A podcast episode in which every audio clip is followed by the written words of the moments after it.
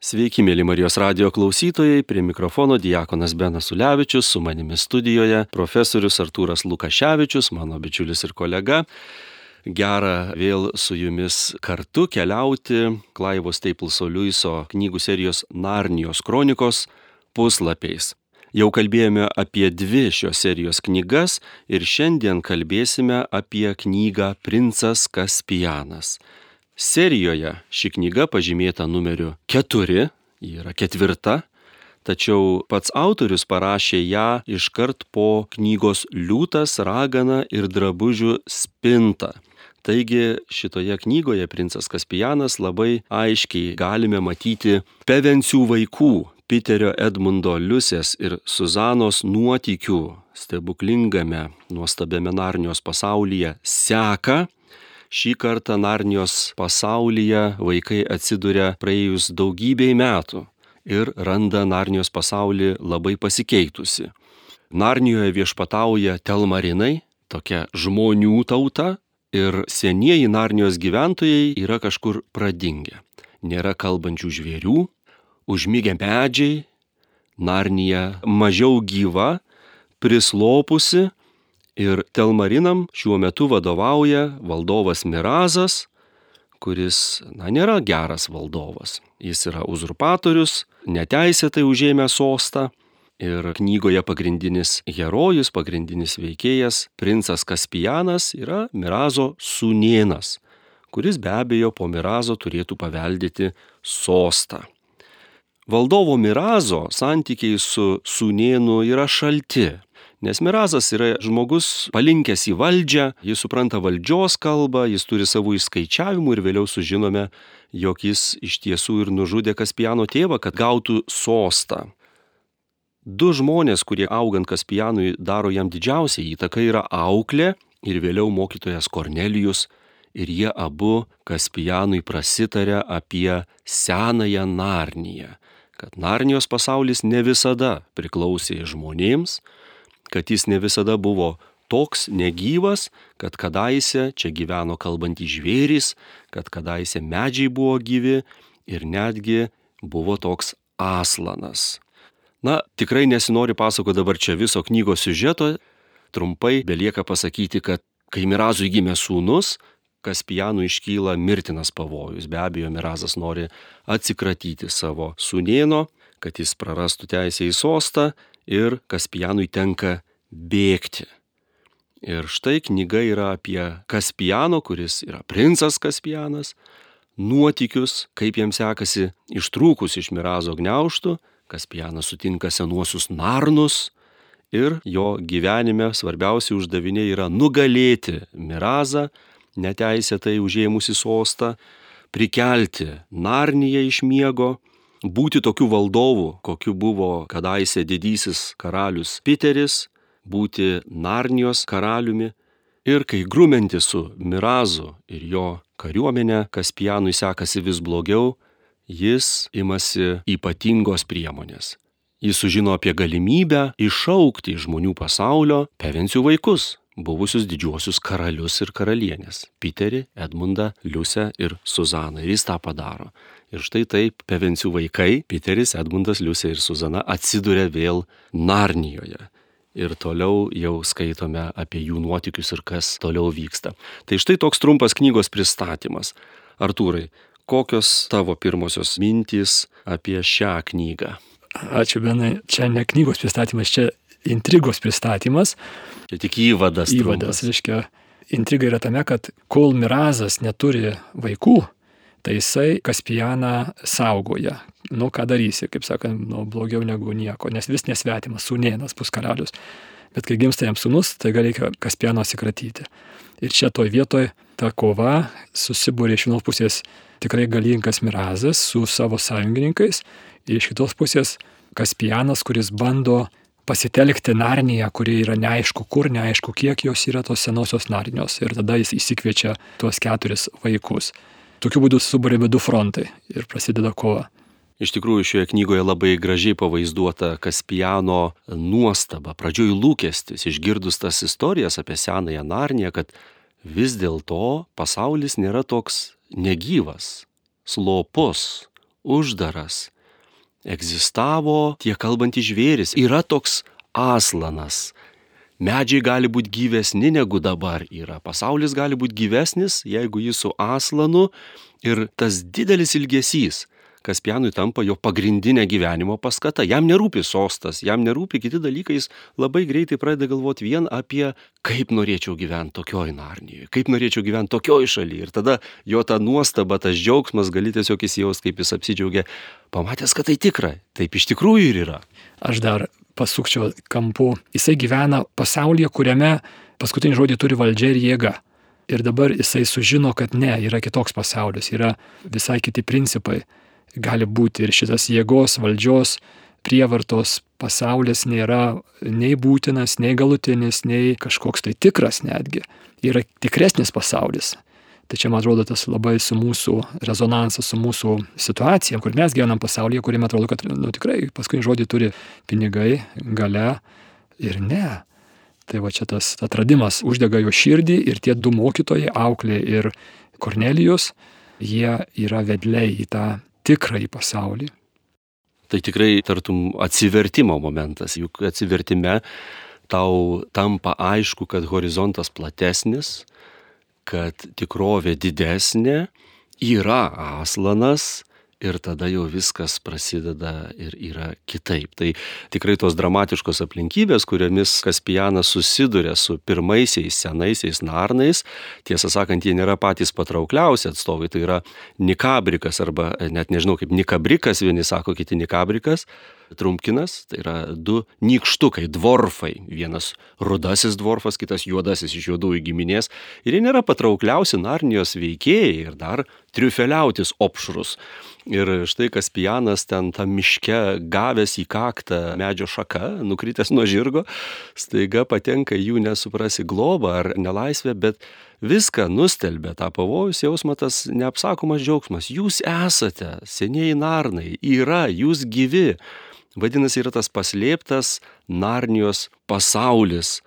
Vadinasi, gal ir Aslanas yra. Ir man šios knygos ta pradžia, va ir šitas Kaspiano susitikimas su Narnais ir taip pat vaikų pevensių, kai jie atsidūrė vėl Narnijoje ir pradžioj jos nepažįsta, nes praėjo šitiek metų. Primena šiek tiek Robinzono Krūzo pasakojimą, jis išmestas į negyvenamą salą ir pradeda atrasti po vienai jūros įskalautus daiktus ir Čestertonas gražiai pastebėjo, kad skaitom Robinzono Krūzo knygą, labai susidomėjo, ten yra inventorizacija, kaip jis dėžę atidaręs rado kirvį. Bet tai yra vienintelis kirvis įmanomas pasaulyje ir tai yra tikrai inventorizacija skaitom su didžiausiu susidomėjimu, su didžiausia nuostaba, supratę, kad tai yra nesavaime suprantami dalykai. Tai vaikai irgi randa tą lobyną savo senąjį pramušę tas senas medinės duris, žengia žemyn ir ten yra tie šarvai sukrauti, deimantai, brangakmeniai parašyta kaip tartum bulvės Rusija, ar ne? Jie tokie krūvelėm sudėti ir Piteris traukia iš makštų tą savo senąjį kardą, jis ten vis tebėra, Suzana randa savo lanką bet neranda savo rago, nes jis yra pas Kaspijaną. Ir tada velkasi tas žiedmarškės ir nežinau, ar turi tokią sceną skaitydamas, ar tau nekyla pavydas, kad jie ten gali apsivilkti tą žiedmarškę, susidėti tuos šalmus, skydą su aslano atvaizdu, turėti man tai visada užkaista kraujas nu, va, matau, tai Benai Tolkino mylėtoja su tais visais senaisiais, e, o man labiau kabina, va, ką tu čia sakei, labai teisingai, ta istorijos jėga. Jie sugrįžta istorijoje atgal ir iš ten pasisėmė jėgų. Man kažkaip šiandien, ruoždamas šiai laidai, prisiminiau mūsų himną iš praeities, tavo sūnus tie stiprybės semia ir tikrai labai didžiulė tiesa. Man anksčiau kažkaip buvo šitos eilutė nesuprantama, galvoju, ne, mes orientuoti į ateitį, ne, bet mes iš praeities istorija labai svarbi ir istorijoje mes randame jėgų kovoti dabartyje ir žengti į ateitį. Ir va tie du mokytojai, Kaspiano mokytojai, kurie, kurių nesugebėjo Mirazas sukontroliuoti. Jisai kontroliavo viską, bet štai atsiranda du mokytojai, kurie turėjo savo mintį ir tą mintį perdavė Kaspianui ir išaugo herojus, kuris nugalėjo tironiją. Ir aš prisimenu Joną Paulių II, kai jis buvo, nežinau, 10-12 metų berniukštis, Krokuvoje jie lankė slaptą būrelį, kuriam vadovavo Batsiuvys. Ir jie ten skaitė krikščionišką klasiką, tame tarpe ir Šventą kryžiaus Joną. Ir tai padarė didžiulę įtaką žmogui, kuris vėliau sugriovė komunizmą iš esmės, arba bent jau vieną iš imperijų sugriovė, gal komunizmas, kaip ta baltoji burtininkė, nemiršta, vis prisikelia, bet imperija sugriovė, tikrai vienas iš svarbiausių asmenų, prisidėjusių prie Tarybų sąjungos sužlugimo. Ir jam padaro įtaką mokytojas. Tai va, benai, mes esame mokytojai ir aš tame semiuosi nemažai įkvėpimo savo darbui, kad nežinia, kas sėdi prieš tave ir tiesos žodis gali labai uždegti širdį tokiais būdais, kurių mes niekada nenuspėsim, kas iš to gali išeiti. Tai verta investuoti į jaunąją kartą, į mūsų studentus, aš labai džiaugiuosi savo darbu, nes tikrai tiesa pakeičia viską.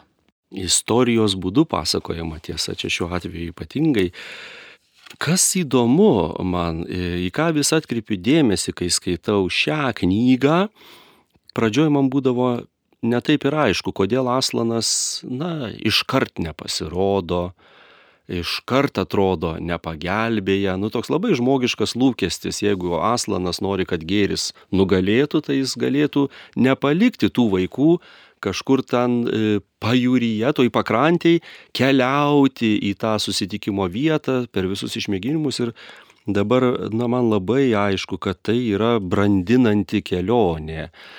Taip realistiškai papasakotos tų vaikų būsenos, kai jie pradžioj džiaugiasi, kad jie čia pateko, tada jie pradeda iš tikrųjų, kaip sakai, pati Narnija, jos oras matyti, buvimas ten pradeda tuos vaikus brandinti, jie grįžta atgal į savo tą vaidmenį, didžiųjų karalių, karalienių, jų įgūdžiai atgyja, pavyzdžiui, grumtynių, kovos, tam tikro bendravimo tokio karališko, sakytume, ir jie leidžiasi į kelionę. Ir ten prasideda jau išbandymai. Aslano nebėra.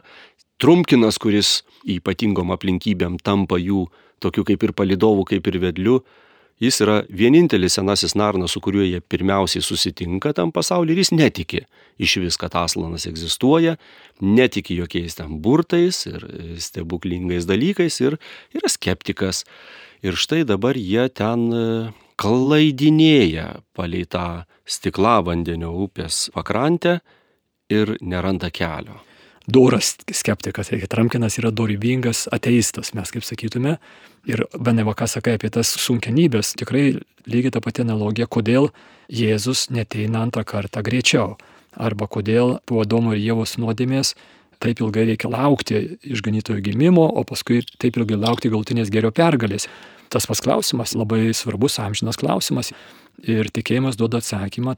Asanas galėtų vienu pūstelėjimu nušluoti visą blogį nuo paviršiaus, bet tada žmonės, kurie turi laisvą valią, arba būtybės, kurios turi laisvą valią, neturėtų galimybės savo dvasinių raumenų augintis dangui.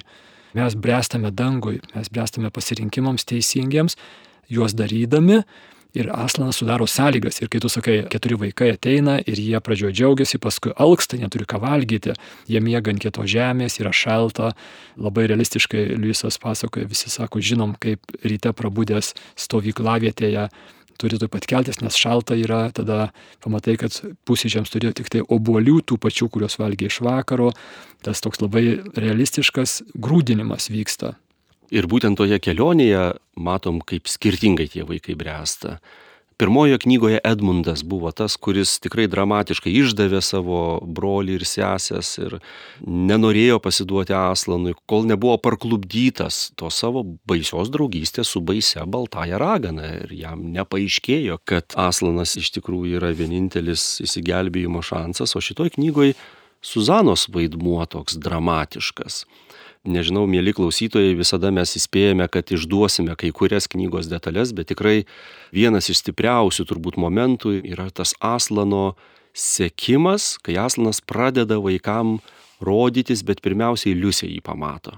Liusė, kuri yra nuoširdžiausiai tikinti, turi tokį skaidriausią, mažiausiai sujauktą ryšį su Aslanu, Aslaną pamato pirmiausia. Ir Sako, štai, štai jis, jis rodo kelią ir visi vaikai nepatikė, jos broliai ir sesė netiki.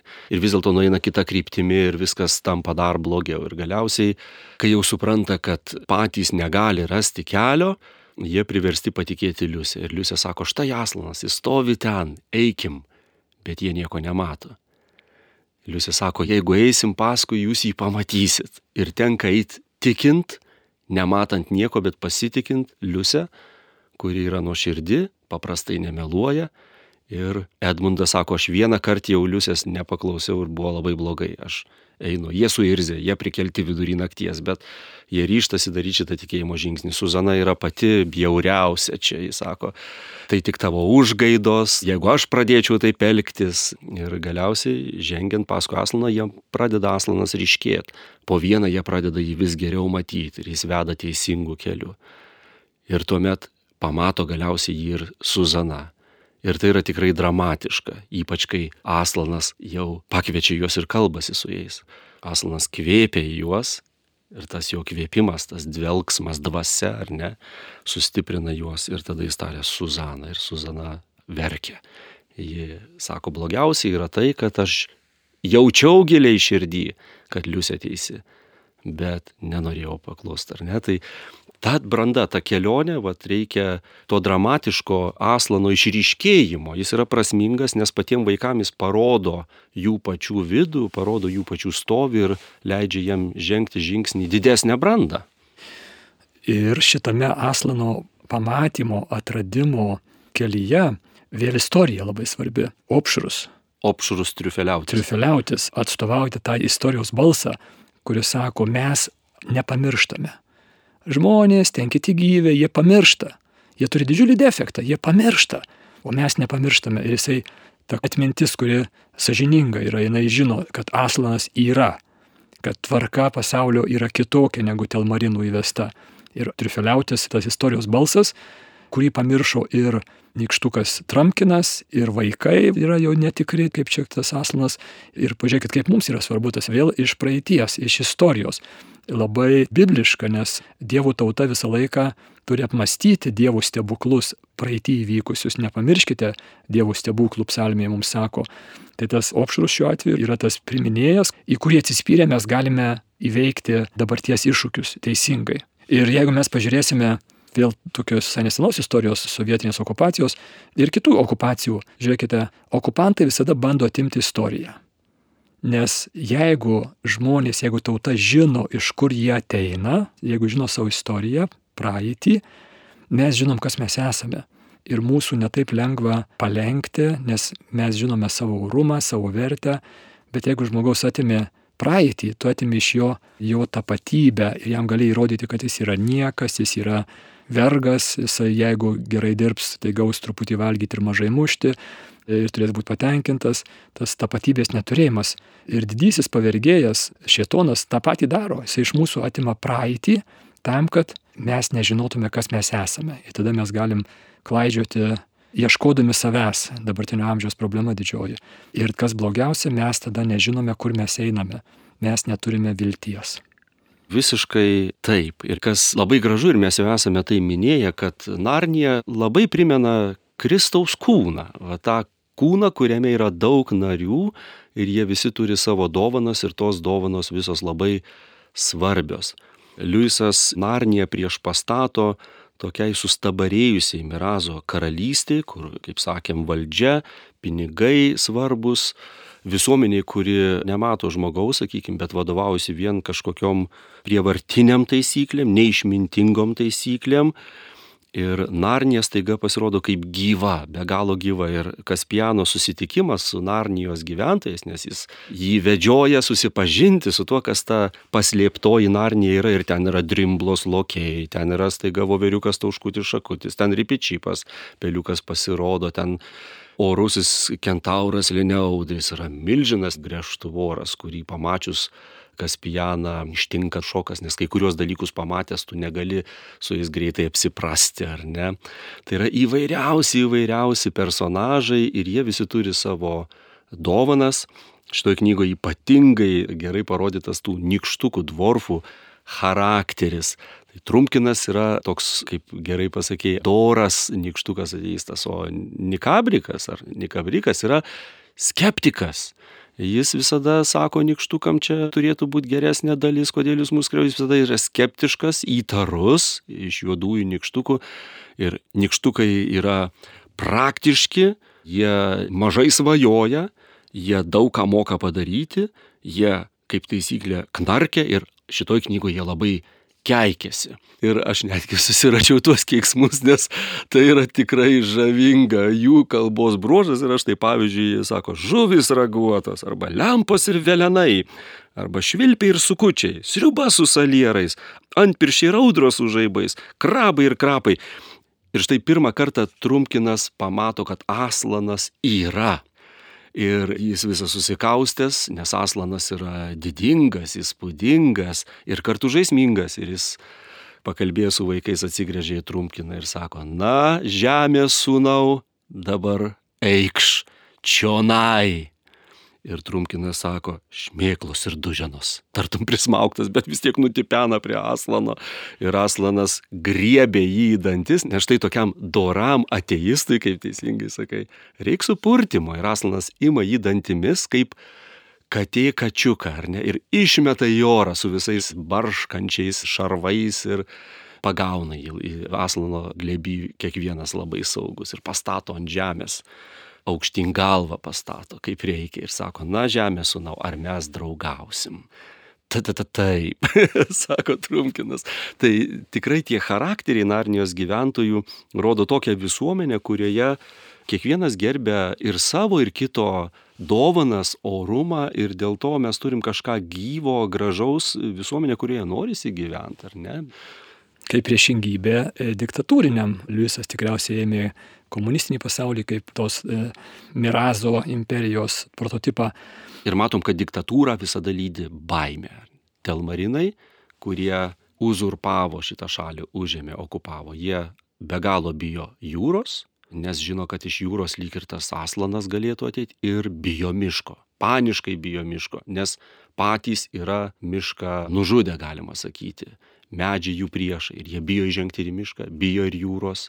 Tai štai tokia totalitarinio režimo Taip. nuolat lydinti baimė, stebėti per petį. Ar, o Mirazas dar dvigubai bijo, nes kas nors gali pasikesinti, kažkas tai grėsmių jo sostui. Tikrai tas baimės, bet e, aš norėčiau benai į tą kitą nikštuką atkreipdėmėsi Nikabriką ir jisai skirtingai nuo Tramkino tiki.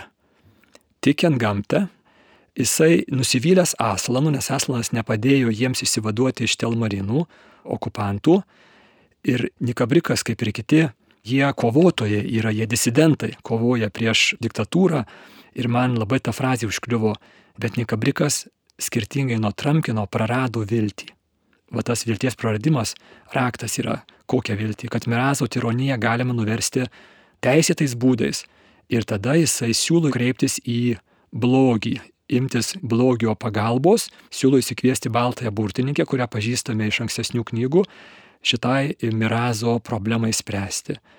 Tai tas vat, vilties praradimo momentas, kuris jį skiria nuo dorojo ateisto tramkino, kuris dorais būdais kovoja turi gėrio pajautą tam tikrą, nepraradęs taip, taip. tos gėrio pajautos. Nors atsisakęs tikėjimo ant gamtę, įdomu. Ir Nikabrikas yra tas, kuris kviečiamės Baltąją burtininkę. Dabar prisiminkime, ankstesnioje knygoje matėm Baltąją burtininkę, kuri būtent nužudo praeitį.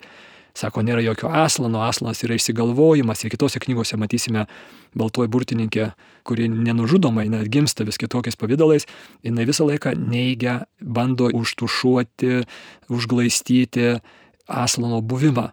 Ir opšrus triufeliautis yra jos priešas didysis, nes jisai sako, ne, mes atsimename, atmintis mus išgelbsti ir tu nenuslopinsi atminties.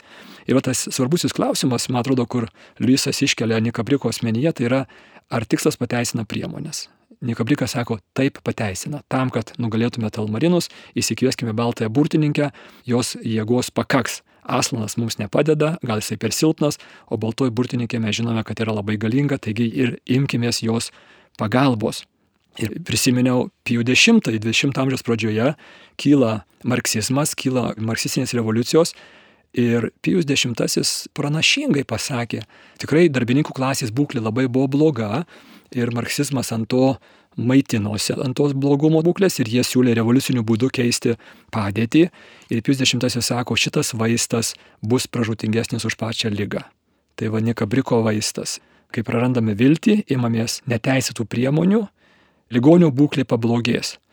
Tai čia būtų svarbi pamoka mums šiandienai, man šiandienai, nes jeigu mes pamirštame istoriją, mes ją kartosime. Nikabrikas sako, aš patikėčiau bet kuo, kas padėtų nugalėti mirazą. Ir čia labai svarbi takoskyra mum kaip e, vizijos žmonėms, kaip tikintiems žmonėms. Vienas dalykas yra užgintas. Tai čiupti bet kurią pasitaikiusią galimybę. Mes esam kaip ir maištininkai, nes pasaulis siūlo tas galimybės griebk, imk, čiupk, naudok. Ir dažniausiai mes taip susijaukia ir nugyvenam savo gyvenimą, kol nepabundam, todėl kad tų galimybių dabar jau yra tiek ir jos nebrangiai atrodo kainuoja, tu gali lengvai jas naudoti, bet ką, malonumus, kažkokius daiktus, išbandyti vieną ar kitą kelią, religiją, ką nori, pasaulyje žiūrėk, daryk, ką nori, nes tu gali, tau ta galimybė yra. Ir vizijos žmonės, tikėjimo žmonės sako, ne, ne kiekviena galimybė naudinga, gera, koks yra gėrio kriterijus, o ką Dievas apie tai galvoja, aš noriu pasimelst prieš tai, kai man siūlo naują darbą, kai man duoda daugiau pinigų, kai aš galiu kažką, tris namus pasistatyti naujus, galbūt, ne, nežinau, kokios čia kieno tos galimybės, bet aš e, einu kalbėti su Dievu ir klausiu, kas yra išmintinga, kas yra gera. Ir tikrai ta scena, kur Nikabrikas pasitelkia kolegas, tą žiežulą ir vilkatą arba vilkolakį, yra viena iš tokių šiurpiausių, įspūdingiausių ir jis nuo pat pradžių nerimsta, kai Kaspijana supažindina su Narnijos gyventojais, sako, dar eikim, dar tenai yra pora žmogėdrų gyvena, ogrų. Ir dar ragana kažkokia, tai supažindinsiu ir su tais, sako, nu gal ne, kodėl ne, nes Aslanui nepatiktų, jeigu mes su jais draugautume. Aslanas dar neaišku yra ar nėra, jiem dar neaišku, bet tas žinojimas, kad kaip ten bebūtų, į gėrio kariuomenę siekiant gėrio negali kviestis tamsiųjų jėgų ir Nikabriko, už tai likimas yra liūdnas, galas yra liūdnas.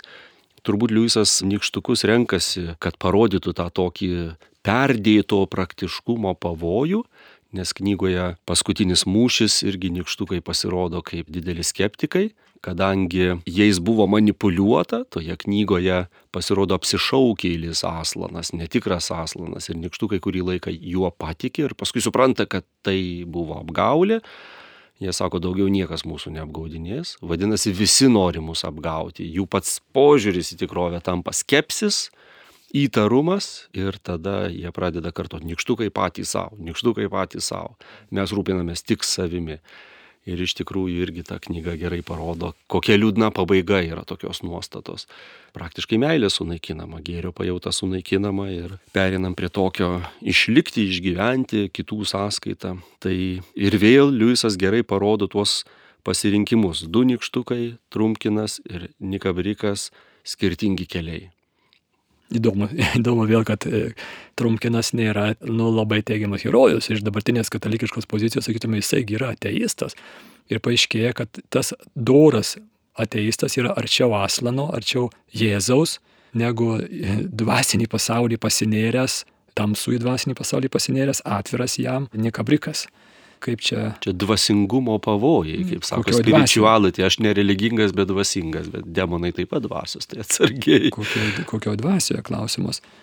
Na kągi, mūsų laida artėja prie pabaigos. Artūrai, mums liko pasakyti dar pačius gražiausius momentus, ką mes dar norėjome pasakyti arba ką prisimenam, kokie dar įspūdžiai šioje knygoje mums pasirodo ryškus. Man asmeniškai šitoj knygoje turbūt labiau nei bet kurioj kitoj du momentai. Vienas tai kūrinijos gyvumas, tas pažadas romiečiam laiškė išsakytas, kad kūrinė su ilgesiu laukia, kol bus apreikšti Dievo vaikai. Kaip sakant, kai išgelbėtas žmogus pradės vykdyti atpirkto žmogaus misiją, Adomo misiją, kurią Adomas prarado tada kūrinyje irgi per žmogaus meilę, žmogaus maldas, na, vyksta mistinė kūrinijos nubudimo kelionė. Ir šitoj knygoje tikrai pabrėžia tas pats opšrus triufeliauti, sako, ar neprisimenat, kad nors Narnija yra kalbančių žvėrių kraštas, bet klėstėjo ji tik tada, kai sostė sėdėjo Adomo sūnus. Taigi Kaspijanas, nors uzurpatoriaus sūnienas, bet jis yra Domo vaikas ir jeigu įstoja gėrio Aslano pusėn, tai bus gerai. Štai tokia yra sąranga. Ir čia tikrai ta Adomo misija, žmogaus misija užtikrinti meilės tvarką pasaulyje Ir tada tai ypatinga vieta, kur Liusė naktį nubudusi eina į mišką ir stovi tarp medžių ir mato tuos medžius ir ji prisimena, kokia gyva buvo Narnija, kai ji dar buvo Narnijos karalienė ir dabar ji grįžo į tą negyvą Narniją. Ir jai atrodo, kad čia pat, čia pat yra ta galimybė Narnijai nubusti. Ir jis sako, medžiai pabuskit, medžiai pabuskit. Ir medžiai nepabunda. Ir paskui kitoj vietoje jau vėliau Aslanas reumoja jis užreumoja ir tas reumojimas nuvilnyja per visą narniją ir mes pamatom, kas yra gyvas medis. Medžiai plūsta į tą kovos lauką, jie brenda žemė, štai kaip medžiai vaikšto. Iš jo apskritai yra ypatinga rasė, rūšis kai vyksta pabaigoj puota, aišku, aslanas yra laisvė, džiaugsmas, puota, medžiai irgi valgo, jie valgo įvairių rūšių dirbožėmį, kuris turi ypatingus atskonius, yra desertinis, pabarstytas balta tokia kažkokia smėlio pudra ir jie ragauja ir kalba. Tai.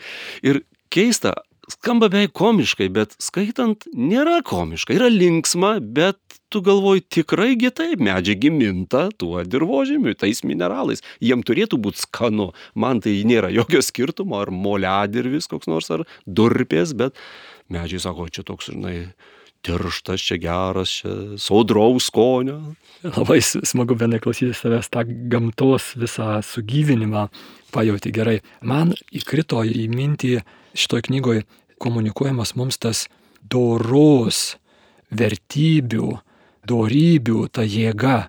Štai mes esame kviečiami atrasti tą tikrą žmogų, kuris yra kovotojas už gėrį, kuris nėra kažkoks tai, kaip čia sakyti, toksai abejingas ar kažkoks tolerantiškas blogiui ir bet kuriai pažiūrai. Ne, jisai aktyviai stoja už gėrį gėrio taip pat priemonės naudojasi, jisai nenaudos klastos, nenaudos nedorų priemonių. Gaivinamų mise, ko tikrai labai trūksta ir aš pats į savo vaikų žiūrėdamas stengiuosi kažkaip tai perduoti jiems tą, tą reiškia tos, tos vidinės mūsų struktūros, kurios padaro mus tikrais gyvais žmonėmis, kai mes matome tuos prevencijų vaikus po keleto dienų narnijo, jie staiga kažkaip tai subręsta, išryškėja, tampa tikresni, labiau esantys. Tai va šitas aspektas, man atrodo, tėvams, kurie skaitys savo vaikams, jisai komunikuojamas net to, ne, nu, ne, kaip sakant, pasąmonė. Tiesiog skaitai tą pasaką ir tie didieji pasakojimai ir perdoda tas tikrasias vertybės, kurių mes labai stokojame šiais laikais. Ir tą labai gražiai veikėjų žodžiai išduoda šioje knygoje tikrai ir Piteris, ir Edmundas, pavyzdžiui, tokie savikritiški, jie geba atgailauti ir pažinti savo klaidą. Aš įsivaizduoju vaikui skaitant tokią knygą irgi labai stipriai darybės pajauta turėtų būti ragaujama. Yra humoristinių momentų, Šioje knygoje turbūt labiau nei kitose man e, toks keistumas su tais antikiniais veikėjais. Tai nėra labai didelis dėmesys jiems skirtas, bet ten tas Silenas ant asilo, joja tas riebus senis, Bakhas arba Dionysas ten siautėja su tom menadėm, kurios jį lydi.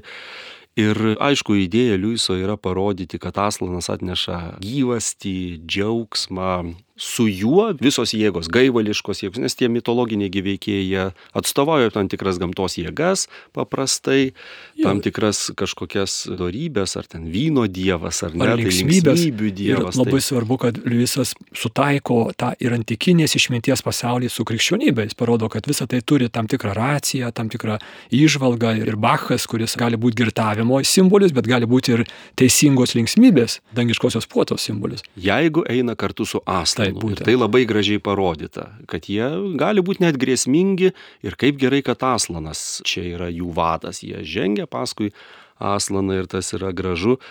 Ir tikrai vėl didingus ir tokius jaukius dalykus Liujisas puikiai suderina. Nu, tie komiški elementai, lokiai drimblos. Štai tokie veikėjai atrodo ką bendro turi su Dievo didybė. Bet tai iš tikrųjų yra tokie personažai ir dvikovai vykstant, vienas iš lokių sako Aslanui, bet visada pagal Narnijos tradicijas vienas iš stebėtojų dvikovos būdavo lokys. Ir kažkas įspėja, ne, ne, negalima jos skirti, nes bus didelė gėda, jis užsnūs ir būtinai čiulps leteną. Kaspienas sako, na gerai, skiriu tave dvikovo stebėtojų tik šiukštu nečiulpk letenos jokių būdų nečiulpsiu letinos ir trumkinas pradeda rėkti, tu jau dabar ją čiulpi. Na, iš tikrųjų, smagių momentų, komiškų yra daug ir čia gal tikrai pamatinė, jeigu norėtumėm, rastumėm rimtą mintį, kad Kristus yra be galo didingas kaip Dievas ir be galo žmogiškas kaip žmogus Aslanas, taip pat kiekvieną kartą geba Liujisas parodyti, kad jį gali mylėti taip, kaip gali mylėti tą, kurio kartu kažkiek bijai ir taip pat gali bijoti kaip tą, kurio bijai, bet be galo myli. Jame yra kvapą gniaužianti didybė ir tas toks kūrinio paprastumas. Aslanas, kai jame pradeda rodytis ta jo dievystė, tai pavadinkim, tas užjūrio imperatoriaus sunus, na kaip Jėzaus ant atsimainimo kalno, pro jį pradeda švitėti ta didybė, auksų švytim, be galo nuostabus, jis didingas, jis didelis ir kelia tokią šventą baimę. Bet kartu jis yra tikrai kūriniškas, jis nėra šmėkla, nėra dvasia, jis turi kūną, jis tikrai liūtiškas, liūtas. Ir pavyzdžiui, tokie gražus momentai, štai jis veda vaikus ir per upelį eidamas, pačiame viduryje sustojo ir pasilenkė atsigerti. Ir dabar cituoju, vėl pakėlęs gauruotą galvą ir nusipurtęs vandens lašus, liūtas vėl atsigrėžė į vaikus, ar ne? Tai jis tikras, labai tikras, labai artimas, labai šiltas, bet jis nėra prijaukintas liūtas, jis nėra didelis katinas, jis iš tikrųjų liūtiškas liūtas ir jame matos ta Dievo didybė ir kartu kūriniškas jaukumas. Labai gražiai liūsas tarp šitų dviejų dimensijų juda nuolatos. Taigi, mėly klausytojai, baigiame mūsų laidą, dar kartą kviečiame skaityti Narnijos kronikas, šį kartą aš, Diekonas Benas Ulevičius ir mano kolega profesorius Artūras Lukaševičius aptarėme Klaivos Teipulso Liuiso knygą Princas Kaspijanas, knygą, kuri yra Narnijos kronikų knygų serijos dalis. Ir dar nekartą susitiksime studijoje tol, kol turėsime knygų, apie kurias galėsime kalbėti. Jų dar liko. Taigi, Artūrai, ačiū tau, kad buvai čia kartu su manim, gera su tavim diskutuoti, kalbėtis, dalintis. Ačiū, mėly klausytojai, jums, ačiū Dievui, ačiū Marijos radijui, likite sveiki su Dievu. Sudė.